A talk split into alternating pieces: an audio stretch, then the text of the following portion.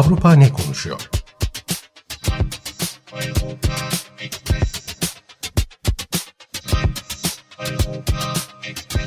Avrupa medyasından yorumlar.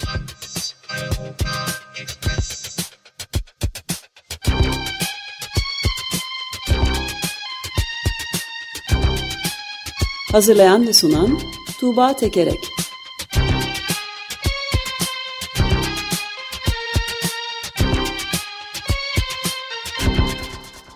Günaydın Tuğba, merhabalar. Günaydın Ömer Bey. Günaydın. Günaydın Özdeş. Evet, Avrupa'nın ne konuştuğu konusuna geçelim hemen. Ne, neler olup bitiyor, ne konuşuluyor? E, Eurotopics bültenlerinden derliyorum ben haberleri, yorumları.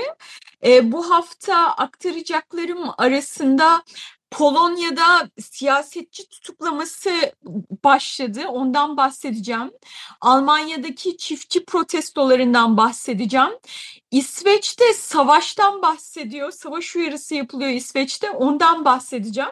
E, ama önce e, haftanın en flash konularından bir tanesi Fransa'nın yeni başbakanı, genç başbakanı Gabriel Attal'dı. E, biraz ondan bahsetmek istiyorum.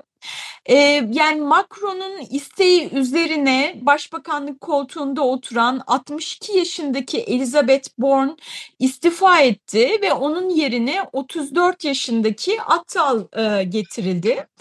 E, Gabriel Attal Fransa tarihindeki yalnızca en genç başbakanı değil, aynı zamanda ilk açık eşcinsel e, başbakanda.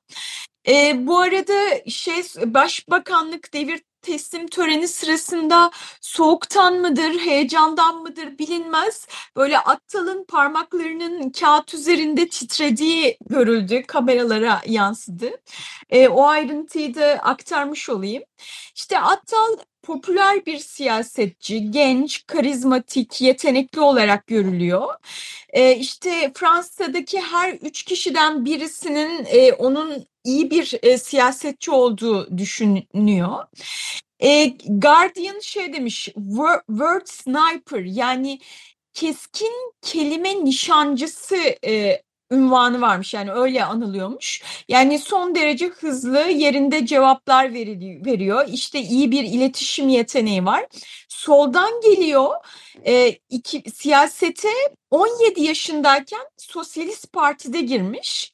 Ama şimdi işte 2016'da Macron'un partisine geçmiş. Yani soldan gelen bir siyasetçi olarak sağda hitap edebiliyor deniyor. E, bu mesele önemli. E, buna birazdan daha ayrıntılı olarak gireceğim. E, şimdi e, Macron'un partisi güç kaybediyordu.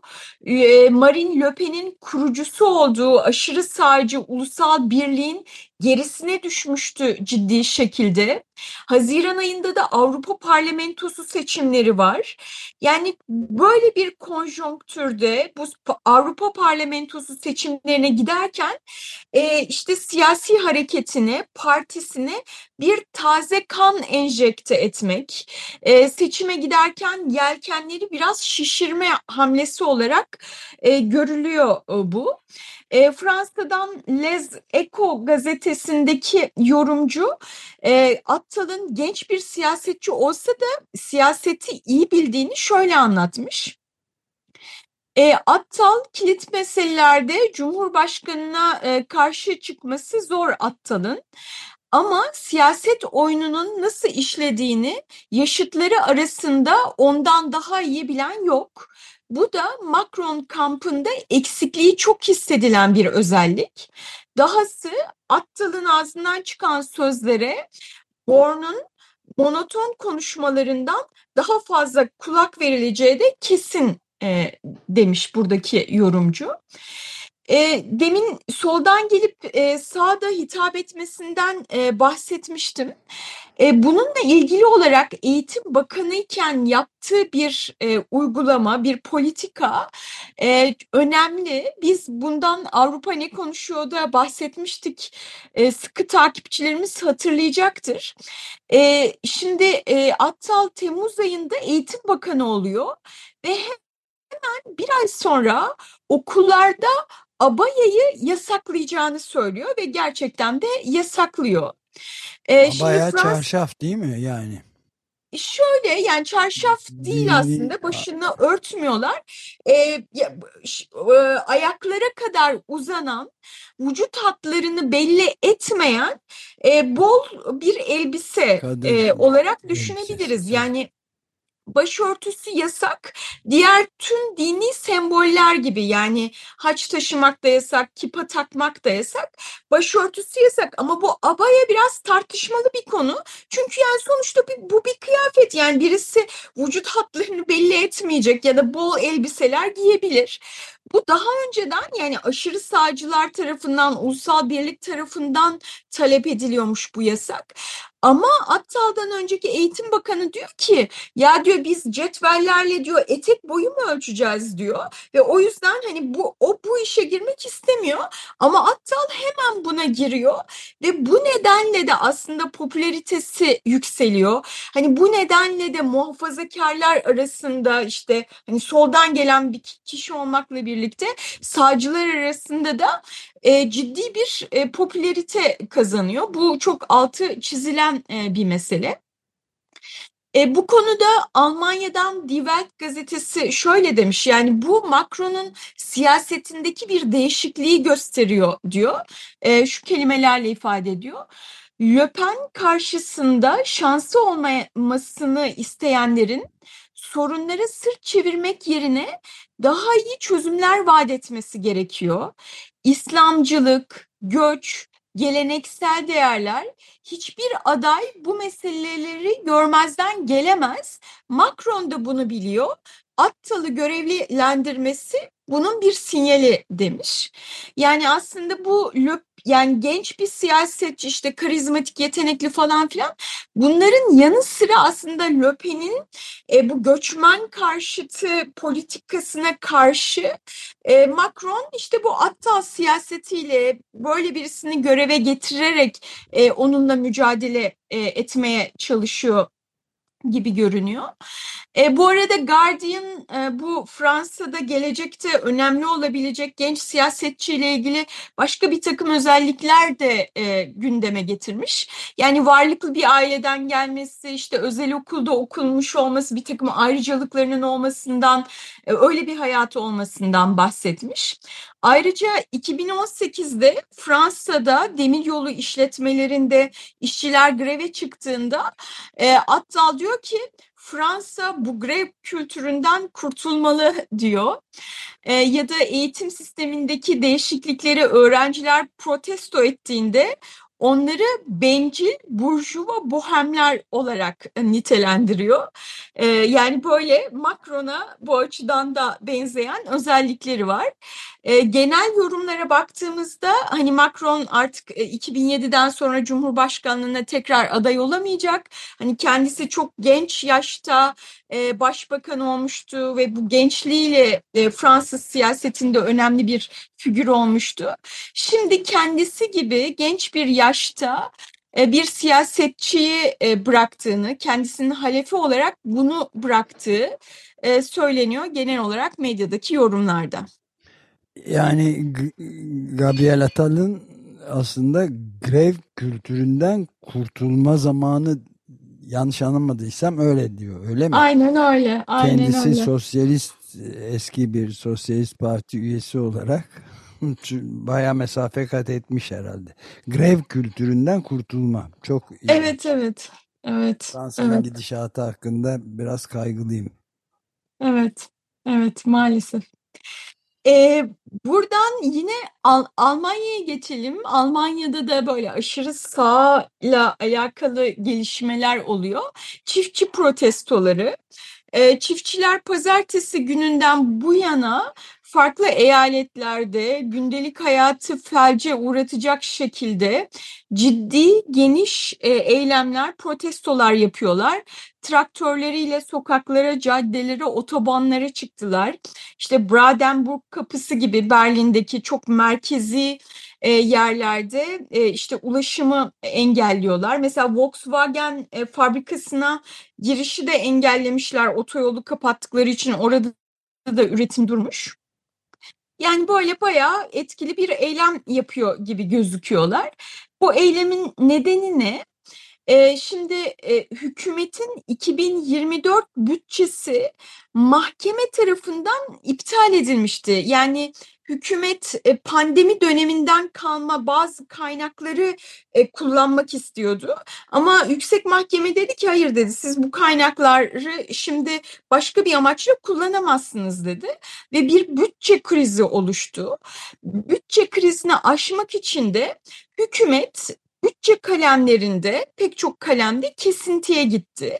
Bunlardan bir tanesi de çiftçilere yapılan e, sübvansiyonlar, onlara sağlanan bir takım ayrıcalıklardı. E, bu bunlarda kesintiye gidince çiftçiler de sokağa çıktılar.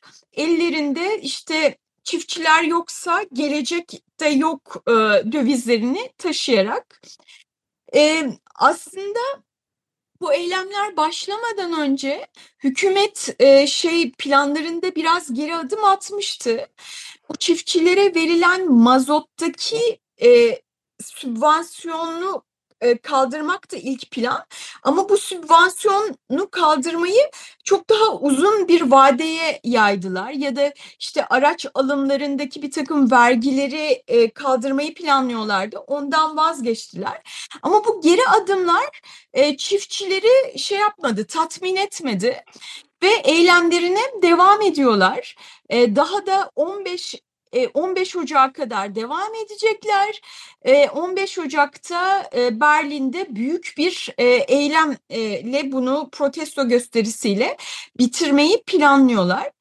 Bu şeyin protestoların aşırı sayla ilgisine yani buralarda atılan sloganların işte aşırı sağcılarla paralel olduğu, işte Ukrayna'ya yardımlara karşı çıkıyorlar, göçmen karşıtlığı var. Hani bu tip şeylerle ciddi bir dirsek teması içindeler ve aşırı sağcı AFD de onları ciddi şekilde e, destekliyor. E, yani şey söyleyebiliriz yani bu çiftçi eylemi bir yandan halkın önemli bir kesiminden destek görüyor. Çünkü halkın önemli bir kesimi aslında hani aşırı sağcıları işte AFD'ye e, destek veriyor. E, onlara eğilimi var. E, AFD yükselmeye devam ediyor. Ama bir yandan da yani daha ana akım olan, daha genel kamuoyu işte bu çiftçilerin bu yaptığını e, pek de hoş karşılamıyor diyebiliriz. E, komşudan İsviçre'den Tages Anzeiger gazetesindeki yorumcunun yazdıklarını aktarayım size. E şöyle demiş yorumcu, bir hafta sürmesi beklenen protestoların boyutu büyük, tonu hayli yüksek. Evet, gösteri yapmak çiftçilerin hakkı, fakat itidali yitirerek, başkalarına saygı duymadan, yalnızca kendileri için mücadele edenler, yıkıcı slogan atanlar, radikal sağcılarla ittifaka girmekten hiç çekinmeyenler günün sonunda demokrasiyi tehlikeye atar. Kimi çiftçiler belli ki geriye gitmek istiyor demiş. Yani bu çiftçilerin protestolarına e, aşırı sağla bu temaslarına e, ciddi şekilde eleştiriler de var diyebiliriz. Ayrıca Ekonomi Bakanı Robert Habeck e, onun feribotu yanaşırken onun feribotundan inmesine de izin vermediler. E, o da şöyle demiş, hükümeti yıkma fantezileri içeren çağrılar dolaşıyor. Aşırılık yanlısı gruplar oluşuyor ve nasyonist semboller açıkça gösteriliyor bu protestolarda demiş. Bu da aşırı sağla işte bu temasa dikkat çekiyor. Guardian'da hani dikkatli olunması gerektiğini söylüyor başyazısında. Kemer sıkma politikalarının sebep olacağı toplumsal huzursuzluktan en çok şu anda anketlerde ikinci sırada gözüken aşırı sağcı AFD yararlanacaktır demiş Guardian gazetesi de. Evet peki bu e, mesela iklim aktivistleri de böyle şeyler yapıp yavaş yürüm yürüyerek mesela kamu düzenini, huzuru bozma şeyinden tutuklanan hatta hapse mahkum edilen kişiler de oldu Britanya'da. E, bunu Almanya'daki bu çiftçi protestolarında yapılan direniş biçimlerini daha azını, çok daha azını iklim e, adaleti aktivistleri yapsaydı neler olabileceğini yazan olmuş mu acaba? Ee, yani yazılarda görmedim ama ben de bu şeylere bakarken, e, haberlere, yorumlara bakarken direkt o aklıma geldi. Hani ben de şeyi düşündüm, e, o iklim aktivistleri işte kendilerini otoyollara yapıştırıyorlar. Sizin söylediğiniz gibi onlarınki son derece daha kısıtlı, işte daha az insan, sadece kendi bedenleriyle. E, burada traktörler e, devreye girmiş vaziyette. Şey diye düşündüm yani bu çiftçiler e, muhtemelen iklim aktivistlerinin eylemlerini hani şiddetle köpürüyorlardı o, o eylemler yapıldığında. Şimdi çok daha fazlasını kendileri yapıyor diye ben de düşündüm açıkçası.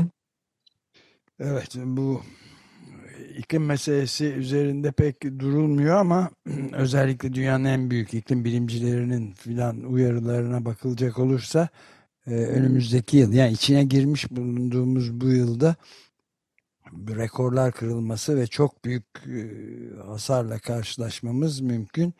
Onu da dikkate almak lazım. Nasılsa konuşacağız ama bunu da. Evet evet e, ama şeyi de hatırlayalım yani Hollanda'da da e, konuşmuştuk bu çiftçi e, Evet. protestolarını. Sonra geçtiğimiz yıl e, yani bu protestoların ardından e, bir parti kuruldu Çiftçi Partisi diye çok sürpriz bir şekilde sanıyorum yüzde 15 e, oy almışlardı. E, yani işte bu bütün bunlar aslında iklim için yapılan e, alınan tedbirlere karşı çıkması da yatıyor bütün bu çiftçi protestolarının ardında. E, işte yani önemli bir mesele orada önemli bir güç mücadelesi oluyor. Hani iklim için tedbir almak isteyenler ve bunu kabul etmek istemeyenler, buna ayak direyenler arasında.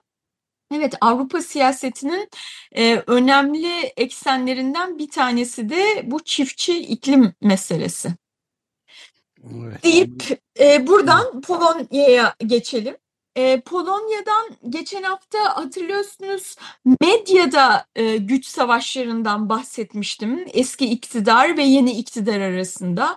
İşte bu kamu medya kurumlarını kim yönetecek? İşte eski yöneticiler mi yoksa işte yeni hükümet yeni yönetici atıyor ama onlar kabul edilmiyor. İşte eski iktidar hukuk ve adaletin partisinin milletvekilleri gidip e, medya kurumlarında oturuyorlar, televizyonlarında oturma eylemi yapıyorlar. Öyle ciddi bir güç savaşı vardı. Şimdi bir başka alanda bir başka güç savaşını görüyoruz. Şöyle ki e, eski Polonya İçişleri Bakanı Kaminski ve onun yardımcısı Vasik daha önce mahkeme tarafından e, yolsuzluğa azmettirmek ve görevi kötüye kullanmaktan hüküm giymişler ve ikişer yıl hapis cezasına çarptırılmışlar. Bu daha önce olan bir mesele yani yolsuzluktan dolayı hüküm giymişler. Daha sonra e, yani bu o zamanki iktidardaki Hukuk ve Adalet Partisi'ne yakın Cumhurbaşkanı Duda bunları affetmiş. E, sonra e, yeni hükümet Donald Tusk liderliğindeki e, siyasi hareket iktidara gelirken diyordu ki yani biz bu yolsuzluk yapanların e, yolsuzluklarını yaptıklarını yanlarına bırakmayacağız, onları cezasız bırakmayacağız e, diyorlardı. Ve iktidara geldikten sonra da şunu söylüyorlar. Yani bu e, bakan ve yardımcısının affedilme süreci hukuki prosedüre uygun değildi. Onlar üst mahkemede hüküm giymeden önce Cumhurbaşkanı tarafından affedilmişti gibi hani teknik olabilecek bir şey söylüyorlar ve bunların e, işte gözaltına alınacağını, tutuklanacağını e, söylüyorlar. Polis bunun için harekete geçiyor. E, önce bu kişileri konutlarında gözaltına almak istiyor. Ama çok enteresan. Bu kişiler diyorlar ki Cumhurbaşkanlığı sarayında bir davet var. Biz oraya gidiyoruz e, diyorlar ve oraya gidiyorlar ve sonra işte gergin bir bekleyiş başlıyor.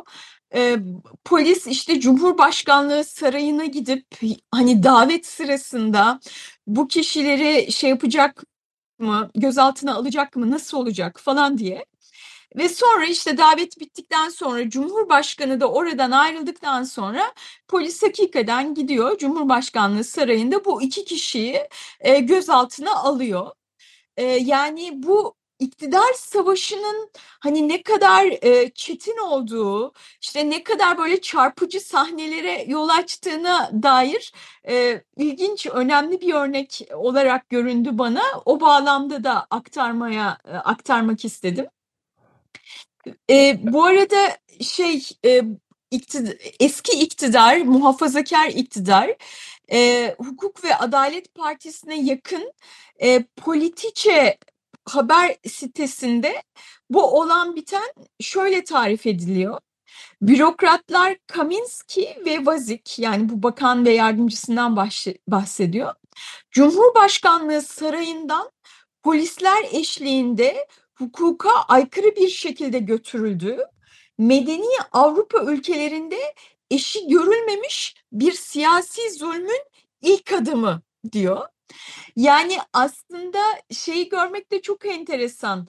Ee, eski iktidarın Hukuk ve Adalet Partisi'nin ve ona yakın e, işte medyanın, gazetecilerin işte böyle ifade özgürlüğünden, hukukun üstünlüğünden bahsedip hani o argümanlarla bunları dile getiriyor olması da ilginç e, görünüyor. Yani Polonya'dan önümüzdeki haftalarda, aylarda da bu tip bu hani iktidarı, yeni iktidarın, yeni hükümetin iktidarı tesis etmek için yaptığı e, mücadeleye dair daha haberler verecekmişim gibi hissediyorum burada. Evet. Valla hakikatin peşinde kaybolan hakikatin peşinde koşanların haberlerini de yakında görmeye çalışırız inşallah.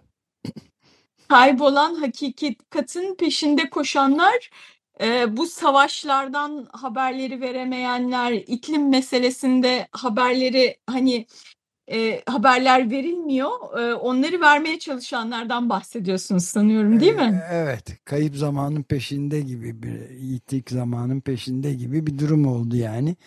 Evet yani Polonya şeyden sonra belki bugün 100 yılın davası diye de adlandırılan Güney Afrika'nın soykırım suçlamasıyla İsrail aleyhine açtığı dava başlıyor. Birazdan başlayacak Lahey'de. Uluslararası Adalet Divanı'nda.